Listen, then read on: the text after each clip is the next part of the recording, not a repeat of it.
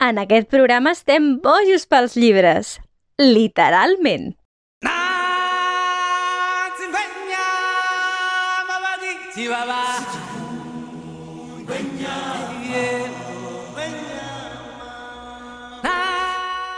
Benvinguts i ben tornats a una temporada més de Literalment.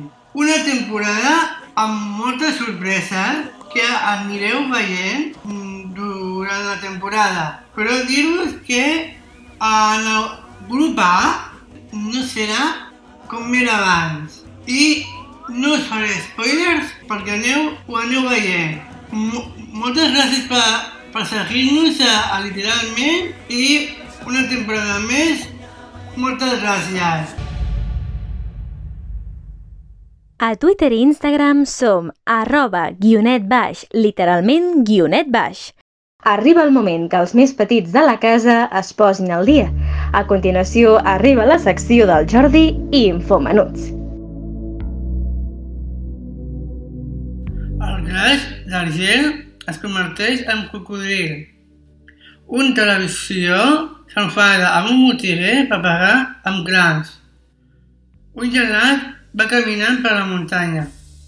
Un estudi de gravació es converteix en una festa de cocodrils i el cas d'una moto està pintada per un ocell. Si us agraden els clàssics de Disney, aquesta secció és per vosaltres. Arriba el Jordi amb Disney Peluts. La secció dels Disney Peluts d'aquesta setmana parlem sobre la Blancaneus. La roba que es vesteix és tot blanc i es, com, i es combina amb les sabates negres. La neu és la seva habilitat més forta. Està vinculat en el món infantil. Són gais la Blanca Neus i el seu marit, Gaspar. La relació de parella es comprometen a ser clandestins. Són molt respectuosos. S'estimen fins que la mort arribi. Un poble de refugi, allà viuen ells. El menjar que mengen són verdures. La seva bandera del seu, del, del seu país la lluiten per la seva pàtria. Viuen al costat d'un poble de la muntanya i són molt familiars. Alerta, que arriba la secció del Jordi Contes narrats. En Patufet, hi havia una vegada un nen tan petit, tan petit, que, que, que, que, que cabia al palmell d'una mà. Els seus pares li van posar el nom Patufet. Un dia, la seva mare preparava el dinar i li faltava una mica de safrà per abocar a l'arròs. En Patufet, tot content, es va oferir per anar ell mateix a la botiga i, va dir que la seva mare li feia una certa angúnia per por que el trepitgessin. Però fet li va dir Tranquil·la, mare, i aniré cantant i així ningú em trepitjarà. I així ho va fer. La mare li va donar un dineret i un cop al carrer en Patufet va cantar ben fort perquè tothom el sentís. Patim, patam, patum, homes i dones del cap dret. Patim, patam, patum, no trepitgeu el Patufet. Quan va arribar a la botiga i va demanar una paperina de safrà, el botiguer no se'n sabia a venir d'on venia aquella veu. I en Patufet va haver de cridar ben fort perquè el sentís. Soc aquí! T'agrada el dineret i ve una paperina de safrà. Un cop el botiguer va veure d'on sortia aquella veu, li va donar la paperina de safrà i el patufet va marxar tot content i cantant la cançó. Patim, patam, patu, homes i dones del cap dret, patim, patam, patu, no trepitgeu el patufet. Una, un altre dia, la mare del patufet havia de portar a dinar al, al seu pare, però estava tan enfeinada que se li que se li feia tard. En Patufet es va oferir novament, novament a portar-li eh, a dinar al seu pare i li va insistir i suplicar tant que la mare no s'hi va poder negar. Així doncs, en Patufet va agafar el, el cistell amb, amb Melina i tot content va anar cap al bosc on treballava el seu pare, que era llenya, llenyataire. I perquè tothom el sentís va començar a cantar la cançó. Per tim, per, per tum, per Homes i dones del carrer, del carrer, patim, patam, patum, no t'habiteu el patufet. De cop i volta va començar a ploure i el patufet, per no mullar-se, va córrer a aixoplujar-se sota una col que hi havia al costat del camí. Per allà passava un bou que tenia molta gana i veient aquella col tan esplendorosa, no va dubtar ni un moment a banyar-se-la d'una mossegada i amb ella el pobre patufet que li estava amagat. A l'hora de dinar, la seva mare, al veure que el patufet no tornava, es va començar a amoïnar i quan el pare va tornar a la feina i va dir que no, que no havia vist el patufet. Van sortir corrents tots dos a buscar-ho al camí del bosc. Patufet, on ets? Al cap d'una estona de cridar van sentir una veu que venia de lluny i que deia Soc a la pansa del bou, que no hi anem ni... i prou! Els pares van veure que aquella veu era del Patufet i que venia de dins de la pansa del bou. Aleshores van agafar un feix de blat i va començar a tipar el bau afamat. Al cap d'una bona estona, el bau estava tan tip, tan, tan tip, que va fer un pet ben fort. I de tan fort, en va sortir el patufet. Tot content, va poder marxar a casa amb els seus pares i cantant la cançó Patim, patam, patum, homes i dones del cap dret, Patim, patam, patum, no tapiteu el patufet.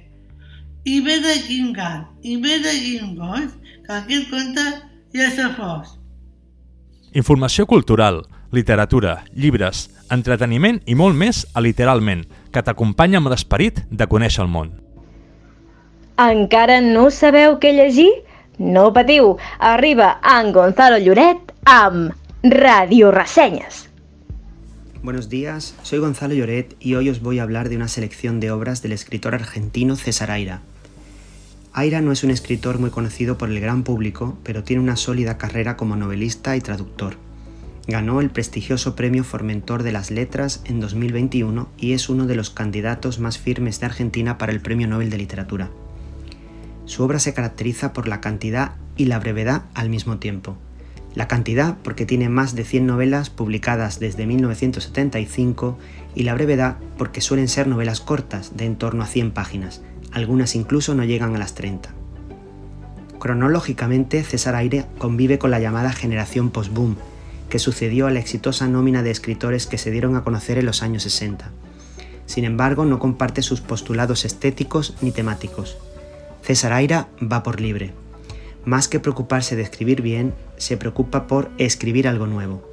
Sus novelas son como artilugios, y digo artilugios porque este término que tanto usaron las vanguardias históricas no es algo ajeno a Aira, que también ha dedicado varios ensayos a la crítica de arte, y utiliza sus novelas, por llamarlas de alguna manera, para subvertir los límites de nuestras expectativas y experimentar con el concepto de novela y la idea de escritura.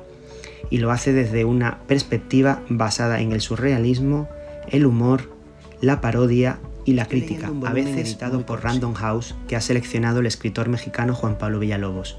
Se llama 10 novelas de César Aira y en apenas 500 páginas concentra 10 obras del argentino publicadas originariamente entre 1992 y 2010, una muestra muy representativa de su libertad y de su originalidad. Como ejemplos voy a hablar de una de ellas, titulada El Volante, que se publicó originariamente en 1992. El volante hace referencia a esos folletos informativos que se dejan en el buzón o que antiguamente se metían por debajo de la puerta. Esta novela es un volante, solo que con la particularidad de no tener el formato de una cuartilla. Este volante tiene 72 páginas. Ya de partida hay una contradicción, porque los folletos suelen ser breves, una carilla o dos a lo sumo, pero aquí se extiende por páginas y páginas sin que en ningún momento se nos explique cómo se va a meter ese volante por debajo de la puerta, porque desde la primera línea del texto se nos dice que ese es el destino del volante que estamos leyendo. Leo las primeras líneas de la novela. Queridos vecinos de nuestro barrio de Flores, recurro a este medio, el simpático volante que pasa por debajo de la puerta de la calle, para comunicarme con ustedes y hacerles llegar a lo largo de la novela la autora del volante, Norma Traversini, una profesora de expresión actoral que quiere publicitar sus clases, se va hundiendo en inútiles justificaciones sobre la extensión excesiva del volante, pero sin por ello limitarla, presa de una verborrea que no puede contener. Intenta varias veces explicarse sin conseguirlo. Lamenta no saber escribir para poder comunicar a la perfección lo que quiere decir, pero se pierde en anécdotas sin importancia. La humilde propuesta que la profesora quiere hacer son unas clases de expresión actoral, pero no unas clases para que los alumnos se conviertan en actores y actrices, no, unas clases para darles mayor sinceridad a sus comportamientos en la vida cotidiana. Según la profesora, algunas veces aunque se esté diciendo la verdad, las palabras no suenan convincentes. No porque sean falsas, sino porque no se han dicho con la suficiente veracidad. Ella propone unas nociones para que, al pedir disculpas, las disculpas suenen de verdad sinceras, para que cuando se diga te quiero, la otra persona sienta que lo que le dicen es una muestra de amor imborrable. Estas clases mejorarían considerablemente la comunicación y evitarían la ambigüedad o que un tono inadecuado haga que el mensaje se malinterprete. Tras 10 páginas de folleto, la profesora nos dice entonces que ha tomado esta idea de una novela llamada Apariencias, de una escritora inglesa, y pasa entonces a contarnos la se desplaza así a la novela dentro de la novela, que se desarrolla en la India en el siglo XIX, en pleno colonialismo británico. No adelanto nada más, pero como es habitual en Aira, el asunto se complica, porque Apariencias, la novela que Norma Traversini nos está contando, es una novela que mezcla aventuras, critica al colonialismo, un argumento típicamente victoriano y todo ello desde una perspectiva que no es la del siglo XIX, sino de finales del XX, con los consiguientes anacronismos. El volante queda así desbancado por apariencias y a nosotros, lectores, nos queda la duda de saber cuál de las dos novelas es la que estamos así se aprecia el carácter paródico y lúdico de muchas de las novelas de Aira. El volante es una lectura divertida, ácida, un ejercicio de escritura extremo y que es una fantástica introducción al mundo personal narrativo de César Aira. Os lo recomiendo. De vegades una imatge val més que mil paraules i tot seguit el fotògraf Pere Hierro ens porta a la secció Fotoviatge. Hola a tots i a totes, ja tornem a estar aquí en la tercera part d'aquest blog del relat d'un viatge amb imatges. Eh? Eh, estem amb la continuació de com vam quedar l'últim cop, que era eh, capturar les imatges i, i tenir un material eh, sobrat per poder fer després el, el que seria l'edició o, o la selecció. Eh? Llavors, eh, eh, hem d'imaginar que ja tenim totes aquestes imatges, hem arribat a casa i el que volem és bueno, repassar-ho, visionar-ho i veure com ha quedat tot. No? Llavors, primer de tot hem de tenir en compte que hem de visionar totes les imatges eh, un parell de vegades. Això vol dir mm, simplement mirar, no fer-hi res, no esborrar, no d'allò, sinó veure una mica l'ordre que tenim, el material que tenim, un parell de cops per fer-nos una mica amb l'ambient de totes les eh, fotos, tota la col·lecció que tenim per poder seleccionar. Eh? Llavors, el segon punt seria fer una primera selecció, però eh, només esborrant les que estan molt malament, eh, borroses, o sigui, desenfocades, duplicades, eh, etc. I eh, com a molt en deixaríem un parell de cada, o sigui, d'una imatge com a molt que hi hagin dues opcions. Val? En tercer lloc, aniríem a fer, eh, una vegada hàgim fet aquesta selecció prèvia, aniríem a fer una, una carpeta amb duplicat de totes les imatges de totes les imatges que quedin com a còpia de seguretat. Això vol dir que tindrem dos carpetes idèntiques, una amb, amb tractament d'originals i l'altra amb còpia per poder treballar, per poder editar, per poder esborrar, etc. I sempre podem tornar a la, a la carpeta original. Eh? Uh, en quart lloc tenim que uh, tindríem que visionar-les totes i només deixar les més interessants.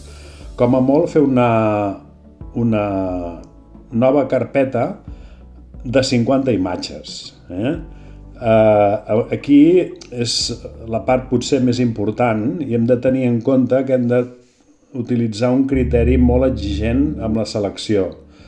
Ni fotos repetides ni fotos sense cap interès que, que, que no expliquin coses verdaderament importants del, del viatge. Eh? Llavors, aquí uh, tenim uh, les, les parts, diguéssim, de totes aquestes 50 imatges que una vegada les tenim en una carpeta com a, com a originals, eh? posarem originals, que, que vol dir la selecció, eh, les tindrem que passar amb un programa de revelat i retoc per millorar-les. Eh, jo us recomano, mm, aviam, com a programa de retoc i edició, o bé el Lightroom d'Adobe o bé l'Snap Snapseed. Eh? Són eh, dos programes molt fàcils i intuïtius. Amb Lightroom tenim eh, dos apartats, un més eh, bàsic, més de tocar quatre coses automàticament, i l'altre més, eh, anem a dir, eh, amateur avançat. No? I amb l'Snapset és eh, un programa molt intuïtiu perquè hi ha els ajustos, però pots tornar a la part original de com hem començat. Eh? Llavors, eh, a Instagram eh, teniu cursos gratuïts de retoc o bé també podeu buscar tutorials per millorar les imatges. Eh? Eh, un cop retocades les imatges, eh, tindrem 50 fotos molt bones. Ara el que hem de pensar és eh, com, les, com les hem d'ensenyar, o sigui, que, com ho volem fer, perquè tenim diverses opcions que podem fer amb aquestes eh, 50 imatges. No? El més eh, adient seria eh, fer un vídeo amb les fotos, amb una musiqueta xula i amb uns títols que una mica pues, expliquessin a l'inici de cada sèrie, de cada cosa. Eh? Llavors, en aquí, eh, en, aquesta, en aquesta part, diguéssim, eh, podem fer servir el, el mateix programa o bé, eh, si no, podem fer servir el InShot, que és un programa que pots fer vídeos de fotos, n'hi ha bastants, n'hi ha molts, però amb aquí eh, podeu fer eh, posar les imatges, posar la, els títols, posar la música i passar-ho al format de, de diguéssim, eh, projecció. Eh? Llavors, això què vol dir? Que finalment tindrem un videoclip com, com si fos un tràiler d'una pel·lícula, per poder penjar a les redes socials, per poder enviar per correu electrònic, etc. No? O sigui, eh, és una forma molt, molt útil. Uh, el tema de la durada, les 50 fotos, és una, una durada d'una cançó de 3-4 minuts, màxim 5, que, que té que ser una música, a veure, mm, que tingui un ritme, que ens agradi, que, que, que, que sigui atractiu, no? perquè el 50% de les imatges, el 50% del, de la força és la imatge i el 50% és la música, d'acord? Eh, en aquí és una mica el punt que quedaríem i en el, en el proper eh, programa el que farem serà detallar una mica més aquests temes de, del retoc, l'edició, etc per eh, tenir aquest material o bé si hem d'imprimir o fer algun àlbum, una maquetació alguna cosa d'aquestes, d'acord? Pues, eh, quedem emplaçats a la propera, eh, moltes salutacions a tots i ens tornem a veure, a reveure tots. Gràcies a, a, als nostres col·laboradors eh, d'aquesta setmana. Espero que us agradi eh, el contingut que, que porten. Eh, fins a la pròxima. Gràcies. Escolteu el programa literalment des del 2019 a Radiotrama. Fem ràdio amb l'esperit de conèixer el món, ara amb Jordi Sevillano.